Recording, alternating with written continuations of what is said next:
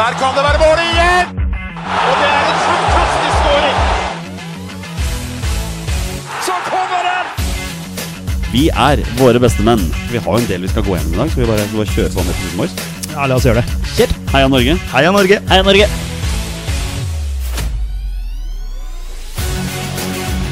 Takk, Ole Gunnar Solskjær!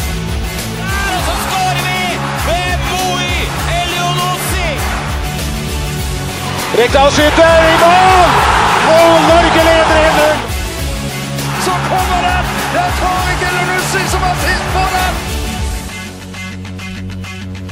Martin Ødegaard! Hjertelig velkommen til alle våre følgere og lyttere der ute til det som er Tines aller første episode 236 av Våre bestemenns podkast om norsk landslagsfotball. Mitt navn det er Jonny Normann Olsen. Med meg her i studio i dag er hverdagshelten fra Bogerud, Petter Hermansen. Hei, Jonny. Og rabagassen fra Raufoss, Torstein Børgo. Hallois. Og det er en sann glede for både meg og dere to boys å ønske velkommen til dagens gjest. For det er ingen ringere enn A-landslagets assistenttrener. Det er Kenta Bergersen som er her. Velkommen, Kenta. Tusen hjertelig takk for det. Hyggelig å bli spurt. Vi har avtatt avtalt det allerede på forhånd. Det var selvfølgelig en overraskelse. Det er greit å si Kenta, ikke Kent Roger. Kent, Nei. sånne ting. Vi går for Kenta. Ja, det funker fint. Ja. For, for det har vært navnet siden du var liten. Ja, jeg er litt usikker når det begynte å komme. Det kom nok uh, ganske tidlig, ja. I ja, tenårene, tenker jeg. Ja, ikke sant? Ja. Har, eh, hvordan har eh, Må først si god jul og godt nyttår, da. Vi har nettopp passert nyåret her. Jo, i like måte. Hvordan var, hvordan var jule- og nyttårsfeiringen for eh, Nei, den er, eh, har vært som vanlig, eh, stort sett. Jeg har vært oppå mine hjemtrakter på Kirkenes i Grue. Og vært sammen med familien i fire-fem dager før ferden går eh, hjemover igjen, som nå er Halden. da Hvor det, hvor det da lir mot nyttår, og hvor det blir en rolig nyttårsfeiring. Og nå er eh, forberedelsene til landslagsåret 2023 Det er vel allerede godt i gang? Ja, nå hadde vi et møte på Teams i dag hvor vi har fått snakka litt sammen og begynt å planlegge så smått det vi skal gjennom i året. Det er jo en veldig viktig landslagssesong. Det, det er det jo uten tvil. Uten tvil om det. Du, Jeg vil bare starte med et spørsmål. Um, hvordan var egentlig forholdet ditt til landslaget før du ble assistenttrener? Så du, så du kamper? Var du, var du ivrig med, eller uh, måtte du begynne Ja, på nytt? igjen? bra spørsmål, det. For det, selvfølgelig som fotballinteressert og gammel spiller og, og trener, så tror jeg ikke jeg har gått glipp av mange landskamper opp gjennom åra, nei. Så, så jeg har alltid fulgt med på det. Var du på noe tidspunkt i din aktive karriere i nærheten av landslagstropp? Ja, det var jeg. Har til og med Ja. vært i en landslagstropp. Ja, du har det, ja. Men, eh, 1. mai 1991, før jeg hadde spilt én uh, tippeligakamp, så ble jeg tatt ut i en EM-kvalifiseringskamp mot Kypros eh, på Ullevål. Nei, kult. Men eh, kom aldri innpå. Og jeg har alltid sagt det er bedre å stå med null enn med én. For da har du spilt én, da har du vært dårlig. Men når du har null, da er det ingen som vet at du har vært inne. Nei, der ser du. Jeg hadde helt glemt at du helt tatt var med i en tropp, så Ja, det var noe for meg, da. Ja, det, det er for spesielt interesserte, tror jeg, hvis du husker det. Ja. Petter, stemninga er satt her, så jeg tenker skal vi, skal vi bare kjøre i gang for alvor, eller? Ja, la oss gjøre det. Ja, nå kjører vi. Ja, men du, da gjør vi det. Og skårer! Mini Jacobsen skårer for Norge! I en god tyrkisk periode så går vi opp til 3-0. Mini Jacobsen er målskårer. Kenta, det er, en, det er en ære for oss å ha deg med i dag. Og når vi annonserte dette her, Petter, på våre sosiale medier, at eh, vi skulle få besøk av Vi har aldri fått så mange spørsmål som vi har fått nå. Nei, det kokte greit eh, på Twitteren, eh, og det er jo utrolig stas. Eh, vi får jo dessverre ikke svart på alle spørsmål, fordi det ville tatt eh, flere timer, tror jeg. Eh, men eh, vi har plukka ut noen, i hvert fall. Vi pleier jo vanligvis å legge vår, legge vår elsk i det faktum, og, som du sier. Skal, alle spørsmål skal være med. I dag har vi ikke sjans, rett og slett. Så, så vi må bare komme i gang. Vi skal snakke litt grann om denne jobben din, da, Kenta. Fordi du, du er jo assistenttrener på landslaget, og det er noen som har noen spørsmål rundt det. Eh, Jørn Henland lurer på hvordan, hvordan disponeres dagene under en ordinær landslagssamling? Altså hvordan, hvordan legger dere opp dagene når landslaget først samles? Ja, det er jo ganske forholdsvis enkelt. Det er jo frokost uh, først, selvfølgelig, mm. innenfor et visst eh, tidsrom. Og så eh, tar vi trenerne et uh, trenermøte hvor vi spikrer og klargjør eh, og forbereder treninga vi skal ha den dagen. Og så trener vi stort sett Det er litt forskjellig ut fra om vi har spilt kamp dagen før eller sånne ting. For da lønner det seg å vente litt i forhold til restitusjon og sånn. Men at vi trener sånn 12-1 eh, sånn i forberedelsene til en kamp, i hvert fall. Eh, Så da er det avreise, trening. Trening, eh, hjem og spise lunsj. Så er det vel et møte i løpet av ettermiddagen. eh, Middag, kanskje et møte til eh, f før det. Så det går i trening, møter, diskusjon. Ja. Er det noen forskjell på Samles hele troppen i Norge først, uavhengig av om det er borte- eller hjemmekamp først? Eller kan hele troppen samles i utlandet først? Ja, det er litt sånn eh, både og. Noen ganger, eh, hvis vi Det er mange dager til vi skal eh, spille kamp, så kan vi møte og trene hjemme i Norge før vi reiser til eh, en kamp. Eh, Sånn som mot Irland nå, den eh, siste bortekampen vi hadde nå i november. Da møtte vi direkte i Irland. Ja. Så det er begge deler. Og Hvordan fungerer det når dere liksom skal samle troppen? Sender dere ut en eh, Er det en messenger-melding til spillerne sånn til det tidspunktet? Dere skal være i Dublin klokken tolv den lørdagen, f.eks.? Er, det- er det sånn det fungerer? Ja, nå er det ikke vi trenerne som uh, faktisk som, det, som uh, sender ut de, de innkallelsene. Det er det Are Hogstad som gjør, som er okay. uh, med Som er uh, sjefen for det i vår gjeng. Ja. Er, så da, så da Da blir det, på en, uh, da blir det sendt ut uh, på en uh, WhatsApp-gruppe, annet, Ja. uh, som det vi har. Ja, så det, er, så det, det er ikke en av dine arbeidsoppgaver å sende ut innkallinger? Det er det ikke. Nei, kanskje like greit, si. Ja. Ikke sant? Du, eh, Stig André Lippert lurer på hvor mange dager i uka er du på Ullevål? Ja, det er ikke mange. Det, jeg, nei, det heller spørre meg hvor mange ganger jeg er der i løpet av et år. Ja, men da- da gjør vi det isteden. Ja, for da da er vel det sånn ca. 10-15 ganger Ah, okay. tenker jeg, i løpet av et år. Ja. Så, så grunnarbeidet ditt det, får, det, det skjer på hjemmekontor? Ja, det Omtrent. skjer foran TV-en eller PC-en, Mm. eller at jeg er ute og reiser og ser spillere. Det er eh, det jeg gjør når jeg ikke vi har samling og kamper. Ja. Mye farting? Ja, vi starta jo litt trått, da, i og med at vi, første året vårt ble jo covid, et covid-år. Så vi reiste jo nesten ingenting, eller vi var ingenting i utlandet første året. Eh, kun noen reiser eh, innenlands. Så tok det seg opp litt i fjor, eh, utover i sesongen. Så i år eh, tror jeg det blir enda, eller blir den, det året med mest reiser så langt for oss. eh, for nå er det jo ingen restriksjoner på det. og det er vårt eh, viktigste år med landslaget. Det er dette vi er ansatt for, at vi skal ta Norge til eh, EM24. Så nå stepper vi opp gamet skikkelig. Så det blir nok mer farting i år, ja. Har du liksom en, noe sånn primær Altså, Er det Norge, er det på en måte ditt område, eller drar du òg liksom, til Danmark for å se på gutta? Drar du, altså, drar du ut, eller har du liksom en sånn primærland eller primærområde du skal se? Det er et veldig godt spørsmål, det òg. For det, er, det er mange som spør om det. Hvordan vi fordeler det der. Eh, Vi ønsker eh, å se alle spillerne, alle sammen, i teamet. Sånn vi, for Hvis jeg skulle hatt ansvaret for ett land, så hadde vi på en måte ikke Og bare jeg hadde sett det, eller jeg og en annen en, så hadde vi på en måte ikke fått sperra når vi skulle diskutert og tatt ut en tropp og lag. Så vi prøver å reise og se det meste. Altså, det er ingen Jeg har ikke noe spesielt område uh, på det, så vi vi bytter på litt noen ganger, altså reiser til forskjellige steder og, og sånn. Og når vi sitter hjemme og ser eh, en helg eller en uke, så, så ser alle alt. For at vi skal, alle er oppdaterte på alle spillerne. Så det er ikke noen i teamet som jubler litt ekstra når de får noen englandskamper istedenfor uh, hvor andre spiller? Tyrkia, Nei, men- Italia og sånne ting. Men Ståle har nok valgt det beste sjøl. Han er mest stort sett i England. Men det alle lurer på, er jo Har dere vært og sett uh, Schjelderup? Ja, Ståle bor jo i Kjøben og, og følger veldig godt med hva, hva som skjer der, så vi har, vi har bra kontroll på han. Er dere lei spørsmål om Schjelderup? Jeg, jeg bare spør fordi vi har fått så mange spørsmål om Schjelderup, og det er så mange som snakker om Er dere lei av å høre om det? Nei, vi er- blir aldri lei av at folk engasjerer seg i det vi driver med. Nei, Det det er syns vi bare er gøy. Ja, men det er bra. Klar for, klar for Benfica nå? Ja, det er i hvert fall Ja, noe av det som er skrevet Ja, på sosiale medier i dag, Ja. men det vet kanskje Kent Bergersen mer enn det vi gjør, eller? Nei. Nei. Vi bare lar den ligge. La det bare ligge. Lar det bare ligge. Gunnar Langland har, jo- har jo spurt om noe du allerede har svart mye på. Hva bruker du tiden mellom landslagssamlinger på? Vi finner ut at det er ikke beina på sofaen og lange dager med, på PlayStation. Det kan være noe bein på sofaen innimellom, men eh, ikke uten at det er fotball på enten PC eller TV. Ja. Hvor, hvor mange fotballkamper sånn cirka tror du at du ser i, lø i løpet av et år? Nei, altså, det er mange. Eh, Jeg ser jo minst to fotballkamper, i hvert fall hele hver dag. I tillegg så ser vi jo mye Wisecout. De kampene som du ikke får sett live, mm.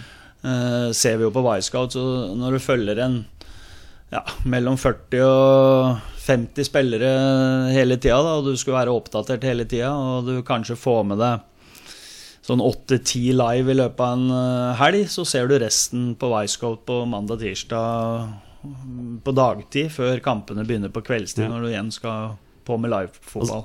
Sitter du da og følger spesifikt med på nordmannen på banen, eller er det hele kampen som liksom blir Nei, vi er mest eh, Jeg følger jo eh, selvfølgelig mest på, på, med på, på de norske spillerne. Ja. Det, det er en litt annen Jeg merker jo det at det er en litt annen måte å se kampene på nå eh, i min rolle nå enn det var når jeg bare slapp av og koste meg med en fotballkamp. Så, så vi følger ekstra godt med med de norske, selvfølgelig. Og hvis den norske spilleren eksempel blir bytta ut etter 60 minutter, da er kampen ferdig.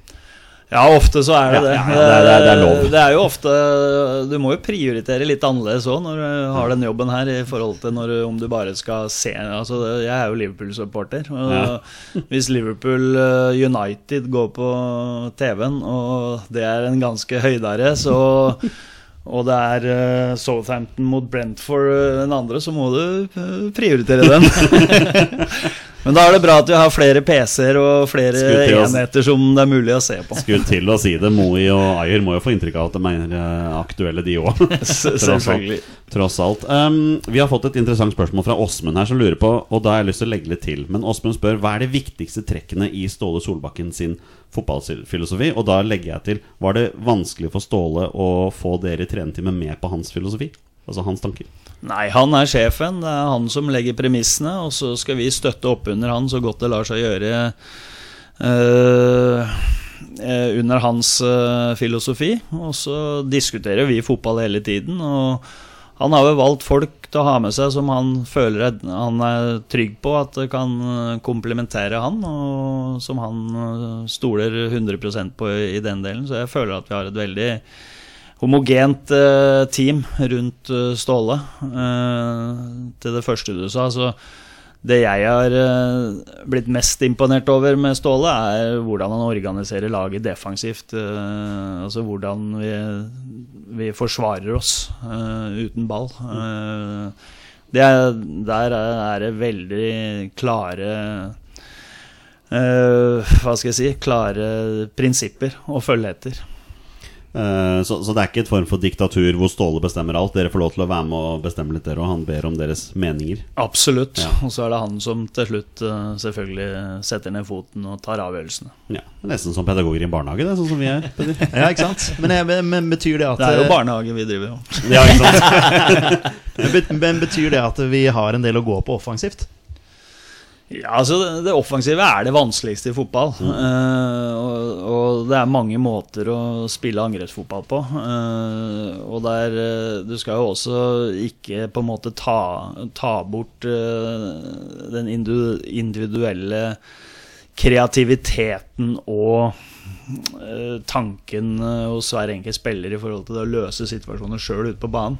Men det er klart, vi har jo, har jo en offensiv måte som vi ønsker å, å angripe på. Så, og det kan være forskjellig fra kamp til kamp, og hvordan vi ser kampen vil bli i forkant når vi møter lag. Noen kamper så blir det å forsvare seg mest og kanskje kjøre mest kontringsfotball. Bruke ballen på en måte til å beholde den for å forsvare seg. eh, For å slippe å måtte forsvare seg uten ball altfor mye. Andre kamper så fører du å ha ballen klart mest og trenger et etablert angrepsspill hvor på en måte vi selvfølgelig har både trent på og forberedt oss på, på det i forkant. Man lar seg jo liksom Man ser jo Vi er jo fotballfolk her, hele gjengen, og ser jo mye Premier League, blant annet. Og ser liksom hvordan, hvordan Martin Ødegaard for eksempel, da, dominerer og briljerer i Premier League. Og, og så sitter vi med en følelse av at han, han kanskje ikke får ut det samme makspotensialet på landslaget. da Så snakker dere også mye om det, altså hvordan få maks ut av en så god fotballspiller. Altså en så, en så kreativ fotballspiller. da Ja, det gjør vi på alle spillerne på, på laget. Vi vil ha det beste ut av, av alle. Og da gjelder det hvilke roller de skal ha, hvem de skal spille sammen med. eh, og hvilke folk de har rundt seg i sine posisjoner. Så det er jo helt klart vi, at vi diskuterer det. Men samtidig så er det Det går ikke an å sammenligne klubbfotball og landslagsfotball i forhold til det der. For at de trener sammen eh, året rundt. eh, mens vi har kommer inn og har én til to treninger eh, før hver landskamp. Og ofte så kommer de rett fra en seriekamp og skal restituere seg gjennom før vi igjen skal så Noen ganger så har vi bare kvarter 20 minutter på å trene og forberede oss på vinterkamp. Så det er klart at vi må prioritere knallhardt i forhold til hva vi må vektlegge inn mot uh, alle kampene. Vi må, vi må bare videre. Vi har så mye vi skal snakke om. Vi må snakke litt om året som gikk nå. Kenta. Ehm, ti landskamper, seks seire, to uavgjort, to tap totalt. Altså, Er du mer på fornøyd-skalaen enn misfornøyd, eller motsatt? I forhold til gikk. Sånn mellomfornøyd, da. Ja. Eh, fordi at vi tapte jo de to viktigste kampene vi for så vidt hadde. da Altså Alle de kampene vi spilte i Nations League, var jo viktig. Og grunnen til at de to siste som vi tapte, var viktige, var jo fordi at vi hadde gjort det veldig godt i, i den junisamlinga, hvor vi vant tre og, og spilte én uavgjort. Så så målet vårt var jo Altså når vi tapte mot Nederland i den siste kampen eh, i VM-kvalifiseringa, så var vi ganske snare med å rette huet mot den sesongen som har vært. Og, vi, og Nations League var en litt sånn eh, Ja, vi måtte Det er ikke alle som vet hva det er, og hvor viktig den egentlig er. og for oss er alle landskamper like viktige. Vi ønsker å, å vinne alle. Og, og få bedre ranking og, og alt det der som er viktig i forhold til å få gode trekninger inn i kvalifiseringer til både VM- og EM-kvalifiseringer. Så vi, vi var ganske raske med å få spille, forklare spillere hva dette her dreide seg om. Og vi, veld, vi hadde veldig fokus på at vi skulle være godt forberedt inn mot eh, de Nations League-kampene. Og vi kom jo veldig godt ut med de fire kampene som vi spilte i juni. Da må det jo være Det er som du sier, Når dere starter så bra som dere gjør, de fire første Det må jo Det må jo være utrolig irriterende for dere i trenerteamet når dere ser liksom at vi taper de to viktigste kampene når det gjelder som mest. Ja, og det er sånn eh, norsk landslagsfotball har vært i mange år. Ja, det stemmer det. Og, og det, er, eh, det er eh, noe vi hadde håpa vi skulle klare å forandre på. Nå tapte vi mot Nederland i den avgjørende i VM-kvalifiseringa. Nå taper vi mot Serbia i den avgjørende for å vinne gruppa i Nations League. Og i år 2023 så har vi Skottland i siste kampen eh, borte, som sikkert òg fort kan bli avgjørende i forhold til det. Så vi har også gjort noen grep i forhold til det, at vi nå har uh, fått med oss uh, Martin Langangergård, hvis jeg sier navnet riktig. Ja, der er tror jeg du var god. Der tror jeg du var god altså. ja, det er mye gang-gang. Gang, gang, gang. Jeg, tror det blei sånn passe. Ja.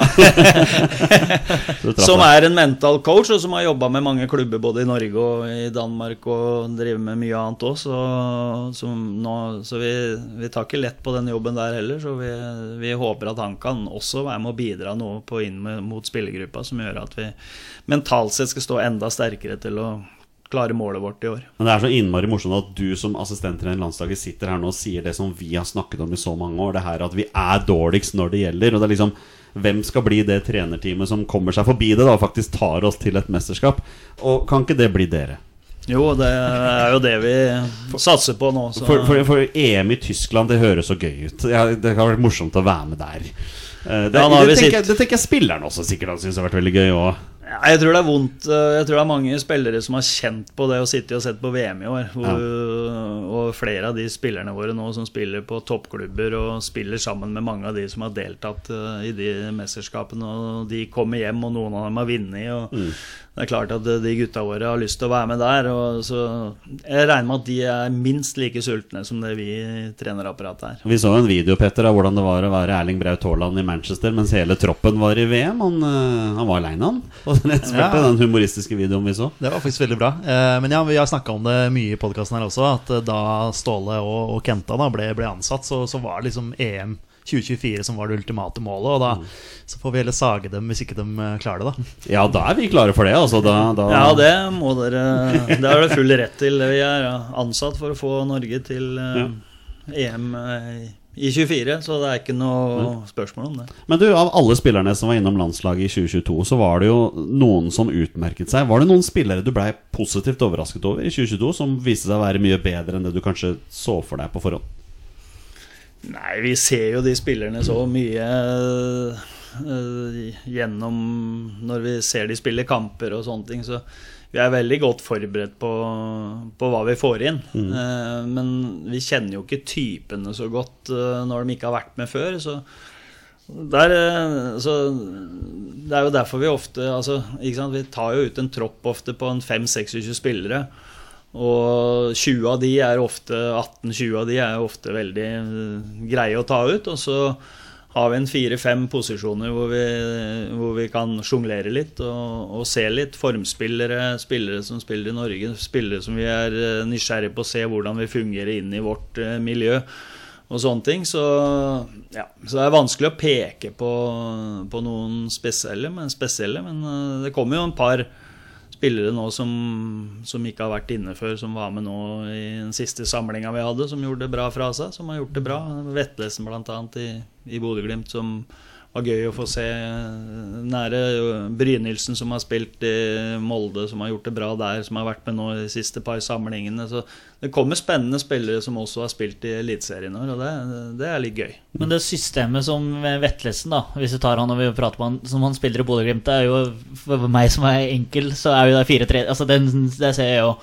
Eh, det er jo ikke 4-3-3 med landslaget sånn Ikke på samme måten, kanskje. da Åssen er det får han til å liksom switche om den hjernen da at nå er det landslagsfotballen som gjelder, og legge vekk Bodø-Glimt-huet ditt, på en måte? Ja, men dette gjelder ikke bare de som spiller i Bodø-Glimt. Dette Nei, gjelder det alle spillere. Ja. De kommer fra forskjellige lag og spillemåter og prinsipper Mm. og alt mulig. Så det første vi gjør hver gang vi kommer på landslagssamling, er å ha et møte hvor vi går gjennom våre spillprinsipper, hvordan vi spiller på landslaget. For det er det første de må altså, De må hjernevaskes. Altså, Mm. Ja. De må bort med Pep Guardiola og Ariteta og alle, hva, Kjetil Knutsen og hva de heter, de trenerne som har de spillerne. Og så må vi Så ofte det når vi går, har spillemøter og sånn, og så, går, så ser vi på ting, og så skulle vi hatt det sånn, så kan Ståle si det at Nei, her er du i Tyskland, her spiller du Bundesliga-fotball, ikke sant? Så, det,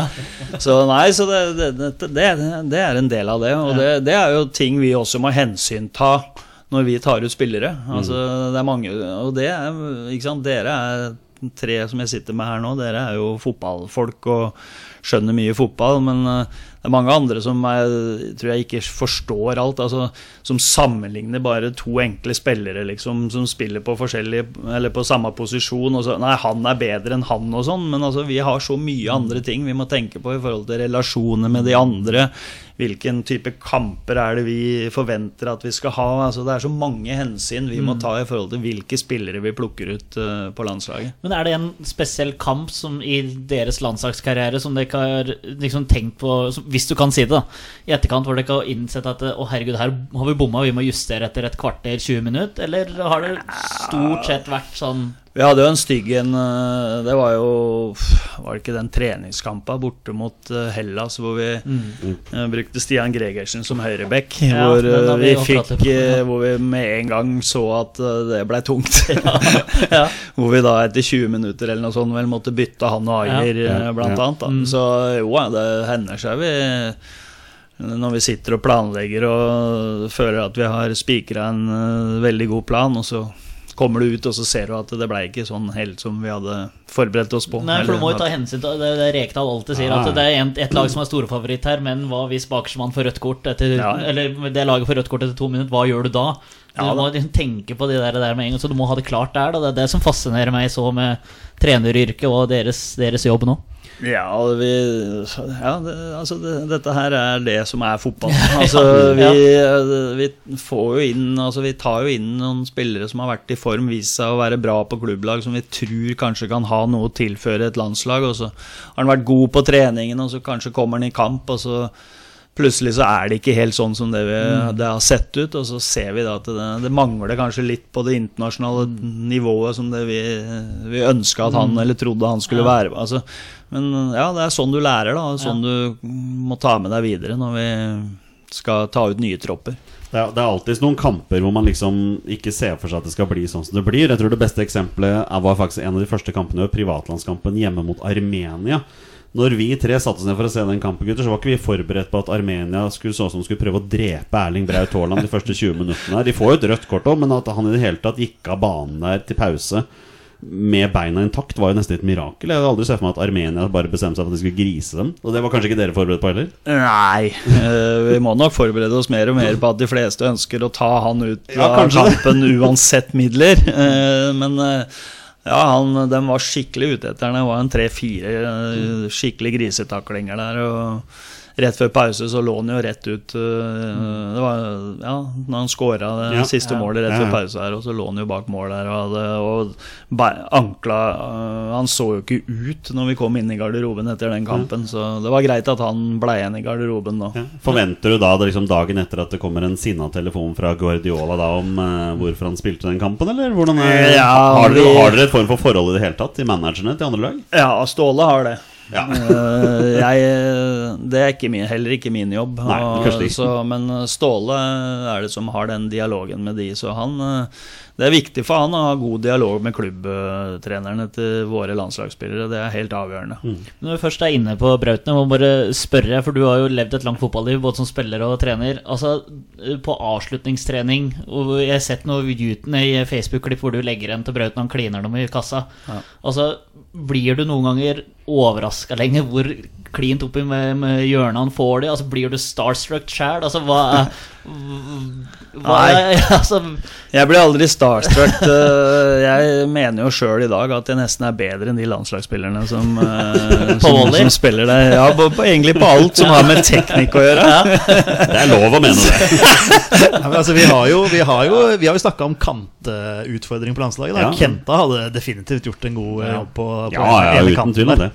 Litt overstegsfinter der og Jo da, men det er vel en grunn til at jeg står med null landskamper. Og jeg ikke var god nok uh, i min tid, så er jeg sikkert ikke det nå heller. Men uh, nei, starstruck det er ikke når jeg jobber med dette her. Eh, Altså, Fotballspillere er av kjøtt og blod, og alle har forskjellige kvaliteter. Og så prøver vi å være med og bidra til at de blir enda bedre, og det er på en måte litt jobben min. Og så er det selvfølgelig gøy å jobbe altså Det er litt annerledes å jobbe med de beste spillerne og noen av verdens beste spillere kontra å jobbe med noen eh, som da spiller i tredje og annendivisjon, som det gjorde rett før jeg fikk landslagsjobben. Da. Så jeg fikk en artig kommentar av en av de gutta som var en 24. mann i Kvikk Halden, som var alltid sånn Han var egentlig ikke helt fast i avstanden heller, men ringte alltid etter han hvis de trengte en ekstra på trening. Så jeg fikk tekstmelding fra han og bare si ifra hvis dere mangler en på trening, så kommer jeg. Så. Det er fint å ha sånne folk. Da. det er klasse, faktisk. Men, men, men, men sånn, dere har vel kanskje en og annen sånn spiller i Oslo-området òg? Hvis dere mangler en mann på trening, så kan dere ringe. Jeg vet at han lynkeeperen Alexander Pedersen var på en trening eller to i år også. Helt riktig, for det, at, eh, det hender seg jo at noen av, altså på de tre, første treningene etter vi møtes på samling eh, Vi er fire-fem spillere som skal trene, og det er kanskje ikke noen keepere som uh, har kommet igjen da, eller som har spilt kamp som skal restituere og sånn, så trenger vi en keeper, og da har han stilt opp. han eh, har gjort jobben sin når han har vært hos oss, og han kan fort eh, bli tatt ut òg, han. eh, Etter hvert. Jeg så det var noen Lyn-supportere på Twitter som mente at Jan Halvor Halvorsen hadde trent Alexander Pedersen til landslagsplass. Det er jo ikke dumt når du spiller i, når du spiller i tredjevisjon. Altså. Nei. Vi må rett og slett videre. Vi har fortsatt ting å snakke om. Nå er det året som kommer. Ja. Kenta. EM-kvalifisering. Spania, Skottland, Georgia, Kypros og Norge. Første umiddelbare tanker i trenerteamet når den gruppa ble klar. Ja, det var en spent gjeng som satt og Det var det her òg. Venta på trekninga der. Altså, Vi lyktes jo ikke med det vi skulle gjennom den Nations League i forhold til det å bli sida som nummer to. Så vi kunne ha havna med de som Altså alle de gode laga fra, fra siden gruppe 1, selvfølgelig. Og så var det tre lag vi ikke ønska å få fra siden gruppe to. Da. Frankrike og England Eh, og, og, Serbia, og Serbia. som vi akkurat hadde vært igjennom. Så Det viktigste var å unngå de, og det gjorde vi. Og så fikk vi jo da Skottland da, fra nivå to, og det er levelig. Og nå er vi i en posisjon hvor vi mener at vi skal ha bra muligheter, og det er ingenting å skylde på hvis vi ikke, hvis vi ikke klarer det denne gangen her. For det er lag vi skal kunne hamle opp med. Eh, Så nå er det opp til oss sjøl.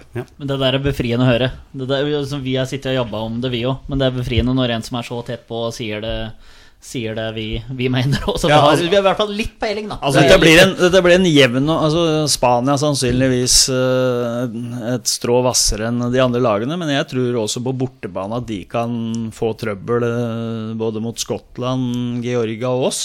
Ikke noe selvfølgelig, for dem. de skårer ikke mye mål, Spania. Mm. De kommer til å ha ballen mye i alle kamper selvfølgelig og dominere, men eh, de skal vinne dem. Eh, og så er det en Men Georgia f.eks. borte, vanskelig altså, for, oss, for vår del så tror jeg det kan fort bli det at de internkampene mot Georgia og Skottland på en måte mellom oss tre landa, at de blir avgjørende for hvem som blir nummer to. Og så har jo Norge for vane da i, i kvaliker en gang iblant å skusle bort poeng mot motstandere de egentlig ikke skal. Kypros. Ja, det, Vi skal ikke skusle bort poeng mot dem. Nei, vi skal ikke det, men det er samme som det var litt nå altså, ikke sant, i den Nations League-gruppa. Og vi skal ikke eh, Altså eh, Det lavest rangerte laget, da, som var um, Slovenia, ikke sant, Mm. som vi taper for.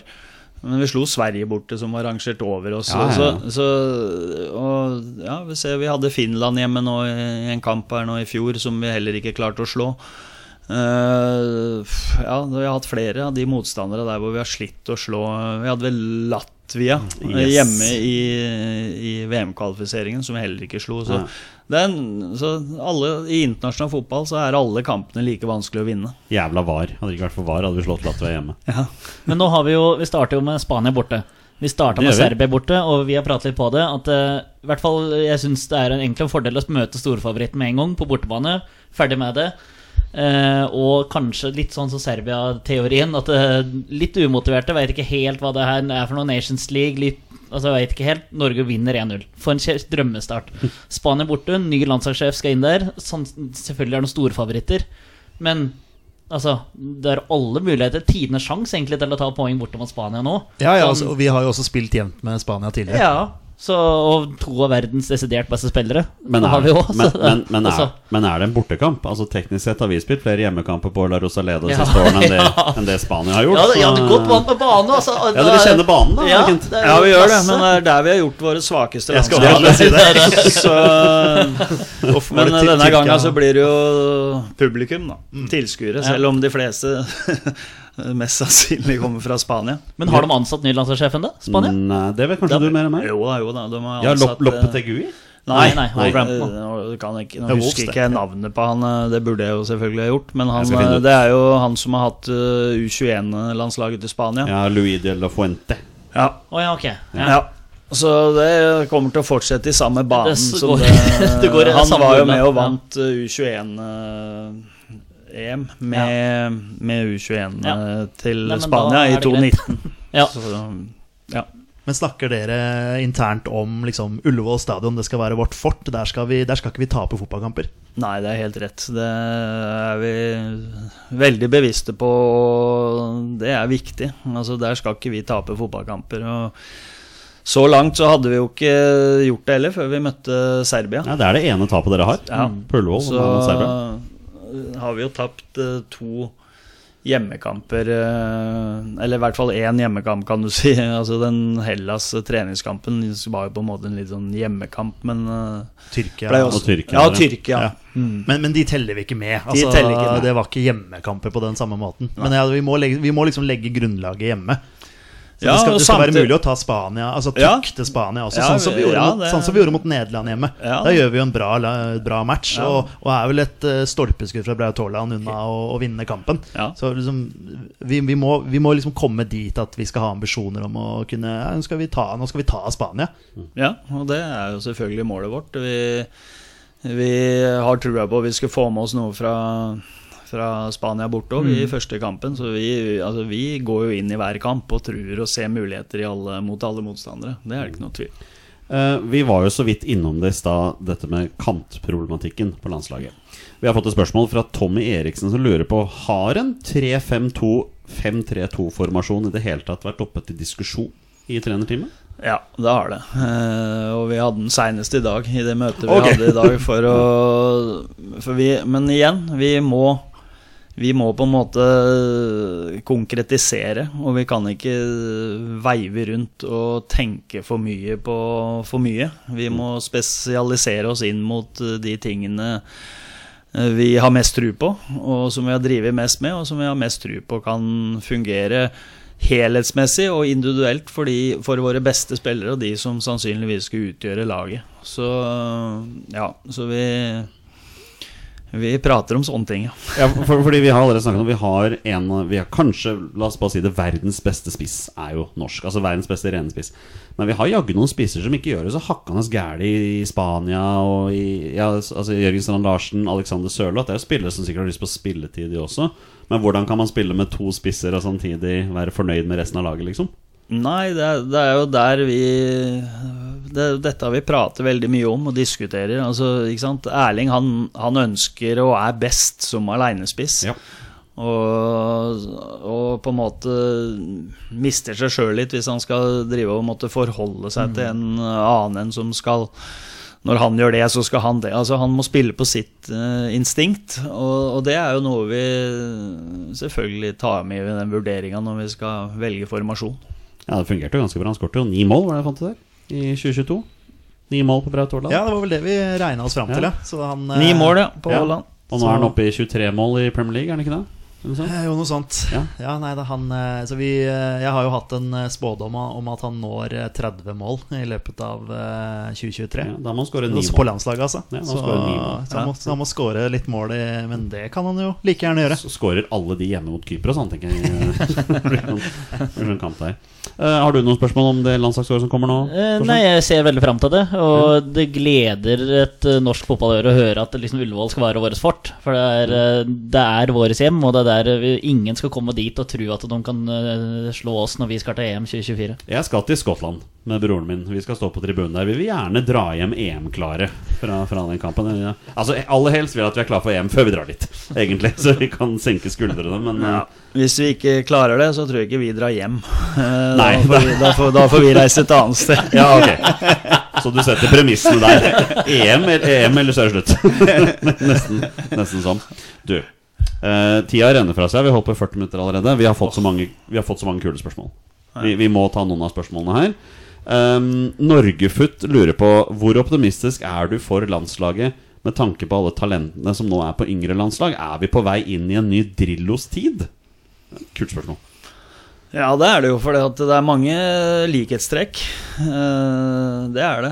Du ser jo også på klubbfotballen i Norge nå at eh, det, det er flere lag som Det ser du jo også nå, at det satses veldig på de beste laga i, i Norge nå i forhold til transfers og hente inn spillere, og det er helt andre summer ute og går når de henter og kjøper spillere nå. og Bodø-Glimt har jo hatt en uh, par gode år nå ute i Europa, og de andre norske lagene ser jo at uh, det er veien å gå. Og tjene penger. Uh, både gjennom å kvalifisere seg, komme videre. I tillegg så blir også de norske spillerne mer attraktive ute i de andre klubbene. Det gjør at det også de spillerne øker Altså prisene eh, øker på de norske spillerne, som igjen gjør at eh, norsk fotball At det legges igjen mer penger i norsk fotball, som igjen gjør at eh, man kan ansette flere trenere, bedre trenere. og lenger ned i aldersgruppene, som gjør at man kan produsere enda flere og gode fotballspillere. Så dette her henger sammen, hele greia. Vil du, si at, uh, vil du si at norsk fotball, at nivået på Eliteserien er godt nok til at uh, spillere kan spille på landslaget selv om de spiller i Eliteserien? Nå har jo Hugo Vetlesen vist at det er mulig. Patrick Berg var jo en sentral brikke før han dro til lands.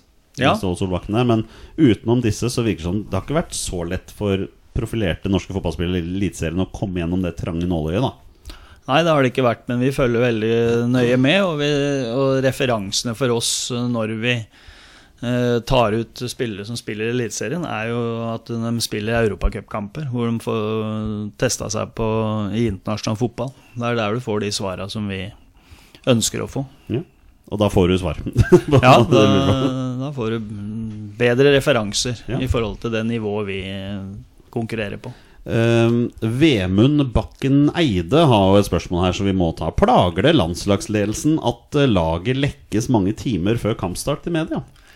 Dette har vi prata mye om. Ståle har gitt opp det der. Det- det, og det sa han allerede før vi begynte, altså etter at vi ble ansatt. Og vi, en av de første møtene vi hadde, og dette ble diskutert og sånn, så sa han at dette er helt umulig. For når én vet det, så, vet, eh, så, kan, så klarer ikke vi å styre. Altså, det er ingen problem å forstå at eh, en spiller som får laget da, dagen før eller når han får det, sier det til mora og faren sin eller til noen han kjenner eller venner eller et eller annet, og da er det vanskelig å holde det hemmelig uansett. Og Jesper Mathisen eh, har eh, hans spiontakter, de får vi ikke gjort noe med.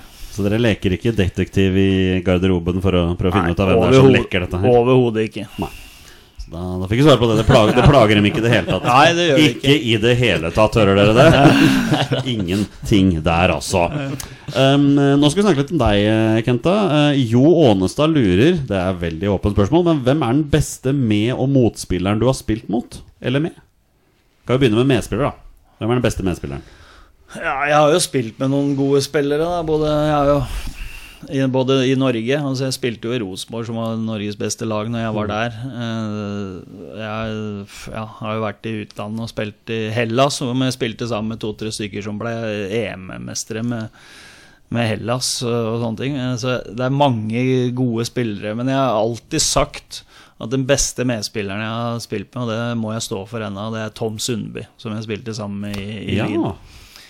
Han, øh, han var sånn litt komplett, på en måte. Han hadde fysikk, øh, lederegenskaper, god teknikk. øh, Toveisspiller, øh, selv om han var best offensivt. Så, og, nei, så han, han er nok den beste den beste medspilleren jeg har. Eh, Motspillere Ja, møtt mange tøffe backer opp gjennom åra. Følt jeg har hatt bra tak på de fleste. Jeg husker at eh, min første kamp som wing på Rosenborg eh, blei spilt på Ullevål stadion mot Liverpool i en sånn eh, når Norway Cup var. Da møtte jeg Rob Jones. Ja. Han var litt småekkel å møte, husker jeg. Så jeg velger å svare han. Selv i en privat, privat treningskamp, så Ja. var det det. Ja, hadde du noe barndomshelt når du vokste opp? Det regner jeg jo nesten med at du hadde. Og hvem i så fall var det? Ja, du kan jo tippe, da, når jeg er Liverpool-supporter og er født i 67. Jeg har to store. John Barnes, da, eller? Nei. Steve Harvey? Ja. Kunne vært det, nei. Kenneth, Kenneth Daglish, da. ja. Ja, og Kevin Og Kevin Keegan. Ja. ja, nei, men da er det greit. Da har vi det. Ja. Ja. Nei, men da, det er greit at Liverpool-supportere er samla, så vi Ja, sitter ja, tvers over men- på men hverandre. Altså, Dalglish og Keegan var jo den tidas Messi og Ronaldo, nesten. Altså ja. Sånn i popularitet. Ja. Så var det noe med det. Og så bra ut òg, vet du. Ja, Ja, Det ja ja, det er på den tida gjorde de kanskje det. du, Jeg har et spørsmål jeg bare må skyte inn, for det slo meg plutselig. Du, når, du, eh, når du slo gjennom som fotballspiller på starten av 90-tallet, 90-tallet så var jo kravene til en fotballspiller på den tida er jo mye mer annerledes enn det var nå i forhold til å holde seg i form og liksom sånne ting. Er du, er du forbauset over den utviklingen? At den har blitt sånn som den har blitt? Nei, egentlig ikke. Altså, vi, vi som spilte fotball på 80- og 90-tallet, vi, vi, vi kalte vel oss ikke sjøl toppidrettsutøvere. Nei. Fotballspillere. Fotballspillere. Vi lekte fotball. Uh, vi var jo seriøse, vi òg. Vi gjorde jo det vi kunne, og sånn men jeg veit det er mange ting vi kunne ha gjort annerledes for kanskje ha blitt enda litt bedre. Ser åssen det er i dag. Så, men eh, nei, jeg er ikke overraska at utviklingen eh, går i riktig retning der òg, som i alle andre idretter. Det var vel, var det ikke Det er mange som snakker om Arsène Wenger når han tok over Arsenal 96. Var det ikke da liksom ting snudde litt for Arsenal? da? At det ble mer profesjonelt og mer eh, seriøst? Det var vel en partykultur i Arsenal før den tida? Jeg mener vi som følger engelsk fotball.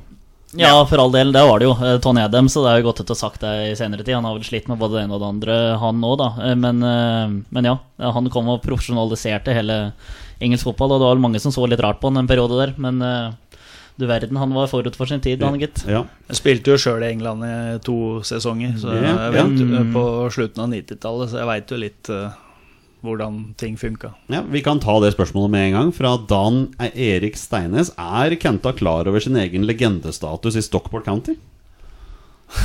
Nei. eh, Det veit jeg ikke om jeg har. Men eh, jeg var der Jeg, jeg har vært der én gang etter jeg spilte min siste kamp der i 2001. Eh, Så nå husker jeg ikke akkurat året det var, men da var Stockport på nivå 6. Conference North Ja. I England. Og jeg var og så på Stockport Barrow første nyttårsdag. Og jeg hadde med meg sønnen min og skulle bare rolig, sakte og rolig bare gå og sette meg på en tribune der. Men så når jeg går Anders Lindegård, da, som da spilte i Manchester United, det var han jeg bodde hos når jeg var Ja, der. For jeg hadde jo han i Ålesund. Slapp meg av i Ferrarien sin utafor Edgley Park, så var det noen som så at jeg kom, og ropte på meg. da, Hey, Bergie, Bergie, come here! Og da var det rett inn på direkte radio med Manchester Evening News eh, lokalradio. Rett inn på Directors Box. Og ble intervjuet ute på banen midt på banen i pausa. Så kult. Så, så, det var, eh, så det var jo litt uh, gøy. Men jeg har også fått en historie Ståle liker å fortelle den når vi sitter og spiser på landslaget. At det er en felles kamerat av oss som var på var, på, var i Manchester, og så hadde han vært på en pub rett utafor Stockport stadion, altså Edgley Park. Og så hadde han sagt eh, Do you remember Kent eh, Bergersen? He played for Stockport. Oh yeah, that fucking lazy bastard. så, så, så hvor stor den legendestatusen er, det veit jeg ikke. Ja, men Har Arn et poeng? Var du, var du lazy bastard? Nei, men jeg jo, har aldri jobba så hardt som jeg gjorde i championship for det, det laget som spilte mest kick and run-fotball i championship. Ja, ja. men men eh, det kan godt hende jeg s- allikevel så ut som jeg var lat. Men, men det må ha vært bare en opplevelse bare å få oppleve altså engelsk nesten grasrotfotball, selv om det er nivå to. Det må ha vært veldig gøy. Ja, jeg har alltid fulgt eh, norske tippekamper og, og har vokst opp med det og har alltid hatt et godt forhold til eh, Spesielt forhold til engelsk fotball, så det å komme dit og få spille på mange av de stadionene som du så på tippekampen, eh, det var veldig gøy. Jeg fikk jo spilt en tippekamp sjøl òg, mot Blackburn på Ewood Park. Ja, så kult. Ja. Petter, du, du har jo et lag som har tilbrakt mang en sesong i championship, eh, Leeds United der. Uh, og vi har jo snakket om at det må være en av verdens tøffeste ligaer å spille i. 46 seriekamper, gjerne noen ganger to ganger i uka. Så har du ligacup og FA-cup og sånne ting òg. Og da, da tenker jeg litt på deg, Kent, at du opplevde det her. Det må ha vært kamper hele tiden. Altså kamper Ja, det var tirsdag, lørdag, tirsdag, lørdag Ja. hele tida. Så det, ja, det var ikke så mye vi trente vi heller på den uh, tida der. I hvert fall ikke mellom lørdag og tirsdag. Og må en liten pubrunde der òg, da. Så Ja, skal inn den, og så ja. Det var, Og rest, vant. det var restitusjon. Og når vi vant, så fikk vi ofte to og tre dager fri òg, så var det ofte bare møte direkte til neste kamp. Nå har, nå har vi noen siste spørsmål på slutten her. Eh, T. Lange lurer på hvem var best på trening av Morten Kile og Hæveren? Morten Kile. Ja. For, for, for våre unge lyttere, vil du nevne hvem Havern er? eh, Det er? Espen Haug. Han var best på huet, mens uh, Morten Kile var en lirære. Ja. Dette er jo Vålinga Dette er Vålinga. Ja. Ja. På den tida hvor alle var legender. Var det, Peder? Ja. Ja, altså jeg har jo vokst opp med å, ja, å følge Kenta og Dag Risnes. da Det var liksom var mine helter da jeg vokste opp. Så ja, når jeg hører disse navnene Haugern og Kile og sånn, så er jo det folk som jeg også fulgte med på da jeg var liten. Sønnen til Dag spiller vel i Vålerenga, er det ikke det? Ja, Magnus, ja. Ja. ja. Det blir spennende å følge han, eh, følge han videre. Ikke sant? Um, Bjørn Rudsagen lurer på hvor gode var egentlig Grue i gamle dager? Min far snakker blant annet Jeg snakker iblant om Arne Bergersen og gamle Grue med stjerner i øynene. Ja, Arne er jo min far. Ja, Og de var eh, Altså, fattern har jo Han spilte jo fem sesonger på Frigg òg, på øverste nivå i Norge. Og Ja. U-landskamper og spilte tre cupfinaler på samme året, i 65, for Frigg mot Skeid. Skåra i to av dem. Eh, så nå, Var det ble omkampene, det var det ikke det? Ja. jo, det ble, det ja, stemmer ble det. tre omkamper. To omkamper. To omkamper, så og så totalt. ja, Ja, og de tapte til slutt, da. Ja, Så- det, det, går, det går gjeter om at i den siste kampen her Jeg tror Frigg ble frarøvet et mål for offside eller et eller annet, men at dommerne hadde fått beskjed av NFF om at nei, vi skal ikke ha flere omkamper. Så det Ja, det har jeg ikke hørt om. Nei, det, og i Skeid-miljøet, der hvor jeg henger til, Ja. holder til, så er det kanskje noen rykter om uh, noen sånne ting, da. Ja, ja. Men det snakker vi ikke høyt om. Vi vant cupen, sa, sa, sa. sa. Men til å komme til spørsmålet ditt, Ja. altså var Grue veldig gode på 70-tallet, midten av 70-tallet. Da var de oppe på Så de leda altså annendivisjon, altså nivå to. Da var det jo to andredivisjonsavdelinger. Mm. Da leda de etter var nyopprykka i 76 og leda etter tre kamper etter å vinne i 3-0, 3-0 og 3-1 de tre første kampene. Så de var, gode, var oppe på andre nivå i Norge i 75-76. Det er det beste de har, eh, har vært. Var, var faren din også en sånn dribler, eller? Han var wing, han òg, Ja. nummer 11, da, som jeg òg ville ha Ja, fordi at han ville ha det. Men uh, som sønnen min er annerledes enn meg, så er jeg også annerledes enn min far, for han var rask.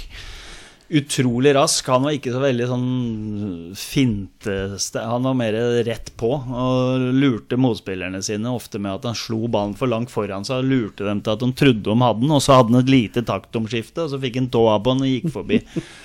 Så han blei jo kalt Han er jo fra Kjellmyra og blei kalt Kjellmyrakniksen.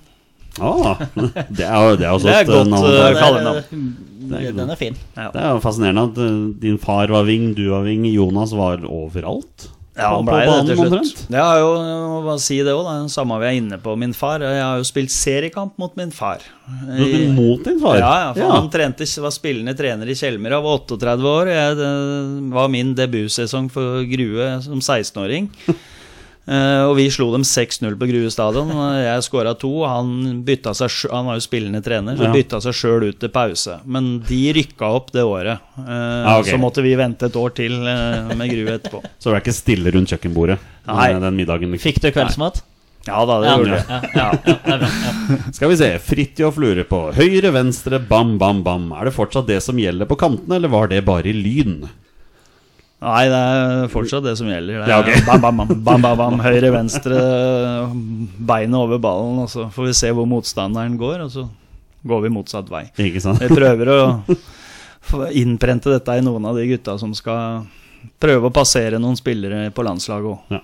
Jeg har, eh, jeg har ett spørsmål til til deg før vi skal avslutte her nå. Det kommer fra Emil Almås, eh, og han må jo få svar på dette han lurer på. Eh, starten av 90-tallet. Hvor skummel var egentlig Nils Arne Eggen? Ja, han var litt skummel. Han var det, ja. Eh, han var det. Jeg holdt jo på altså, I min første kamp, uh, som jeg var inne på litt tidligere, når vi møtte Lyn på Ullevål i min første kamp for Rosenborg. Vi vant 1-0. Jeg skåra seiersmålet og ble kåra til banens beste. Og følte sjøl jeg hadde gjort en veldig, veldig god kamp. Så sto Eggen i døra når vi kom inn til garderoben, og så sa han Hadde vi møtt et ordentlig fotballag, så hadde vi tapt! Og verst var du, Kenta! I, Så- I din første kamp. I min første gang. Så jeg holdt på å bli igjen på Fornebu, som vi da fløy fra da. Så Arne Dokken måtte gå mellom meg og Eggen eh, eh, der, da. For han mente at hvis jeg ikke hadde mer å by på enn det der, så kunne jeg bli igjen. Ja, de hadde kjøpt katta i Så litt, så litt småskummel uh, er han. Eller var han. Var han. Ja, var. Ja, Ja. ja. Men etter hvert så ble forholdet bedre, eller? Veldig godt. Så, så etter at dette gikk seg til, og jeg lærte måten uh, Rosenborg ønska at jeg skulle opptre på, så, så de siste ett og et halvt åra hadde jeg et utrolig godt forhold til Nils Arne og hadde det veldig gøy i Rosenborg. Hva var den største forskjellen på Rosenborg og de andre lagene på 90-tallet? Altså. var- Han hadde jo veldig mye gode spillere, selvfølgelig. Og så var det jo Nils Arne litt, hans fotballfilosofi. Og eh, det har jeg jo veit jo sjøl, for jeg møtte jo Rosenborg sjøl med andre lag. Og jeg har hørt andre spillere sa det når de møtte Rosenborg. De følte alltid at eh, Rosenborg hadde to-tre spillere mer på banen enn de andre. De var veldig flinke til å, å skape overtall på banen. Som, som gjorde at det var vanskelig å spille mot. Da har jeg fått svar på alle de spørsmålene jeg har lurt på. Eh, vi avslutter med litt landslagsfotball. Jeg vil jo gjerne ha et lite tips fra deg. da 2023, blir det, blir det EM, eller? Ja, det blir det. Du er nesten programforplikta til å si det. Ja, men jeg har også veldig god tro på at uh, vi skal få det til. Ja. Men uh, Spania nummer én, det står mellom oss og Skottland. Den andre plassen, eller? Ja, og Georgia. Jeg utelukker ikke de heller. De er, uh, hvis dere har sett uh, Kvaradonna i Napoli, Mm. Ja, lagkameraten til Østegård, så har de noe å by på Georgia òg, så Du vi er, får se. du er vår internasjonale mann her i Våre bestemenn. men Du, du veit hvem han snakker om. Ja, ja, det er han. Kvaratskelia på venstrekanten der. Han er uh, enorm, altså. Han er en seig mann å få has på. Herja bra for Napoli første halvåret nå, og så gikk de på en liten smell her nå på nyåret.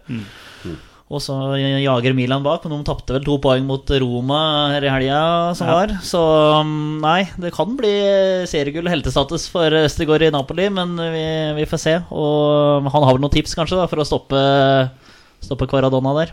Vi får håpe at han har det. Ja, det er bra. Men dere har begynt kartleggingen av alle motstandere for lenge siden, vil jeg tro. Det er helt riktig. Den starta dagen etter at uh, trekninga var klar. Så Andrew har med seg PC-en 24 timer i døgnet og sover med den. Så vi har full kontroll. Hvordan er følelsen nå når det er, det er litt over to måneder til vi skal i gang igjen? Er det sommerfugler, eller er du veldig rolig nå? Nei, rolig, men uh, du, når vi hadde det møtet i dag nå, så, så, så ser vi jo det at tida kommer til å gå veldig fort. Nå skal vi ha et nytt møte igjen om to uker, og så begynner vi å reise litt. Og så Da går tida fort til slutten av mars når vi drar i gang med Spania og Georgia.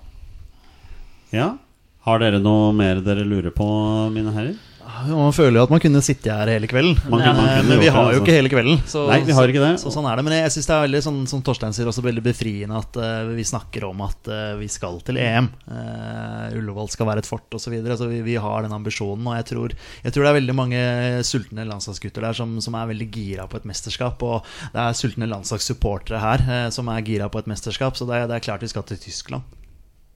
Ja, det er jo ikke noe Jeg har begynt å mentalt forberede meg på at vi skal, at vi skal til Tyskland. Jeg kommer til å bli kjempeskuffa hvis ikke vi skal til Tyskland. Sånn at alle har fått med seg det. Det tror jeg de som, de som hører på oss, uh, veit. Nei, vet du hva? Eh, Kent Bergersen, tusen takk for at du hadde tid til å komme ut hit til oss i dag. Dette har vært kjempegøy. Ja, Veldig hyggelig. Tida går altfor fort. Det, det gjør det, og det, tida har gått så fort Petter, at vi må dessverre fortelle våre lyttere at det blir en 20 spørsmålfri episode i dag. Tida har rent fra oss, men eh, det, det kommer andre muligheter, si.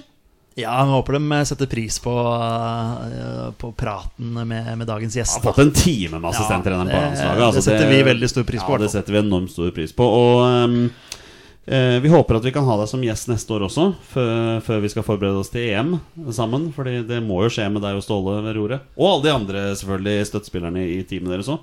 Ja, vi håper det. Dere har jo etter hvert blitt et forholdsvis stort team. Ja, det, det, det kan du si. Jeg tror vi er 24 nå. Altså, det er like mange som det er spillere. Men da er alt tatt med. Altså. Da er det fra kokken og Ja, og han som uh, pusser skoa mine. Så, så du har egen skopusser, ja. Og da veit vi også at det er ikke du som lager maten til spillerne. Det er, det er egen kokk til det også. det er i hvert fall helt riktig. All right, Petter. Det er på tide å avslutte. Tusen takk til alle dere som hører på. Dere er fantastiske mennesker. Vi er våre beste menn. Heia Norge. Heia Norge! Heia Norge! Heia Norge! Og hei!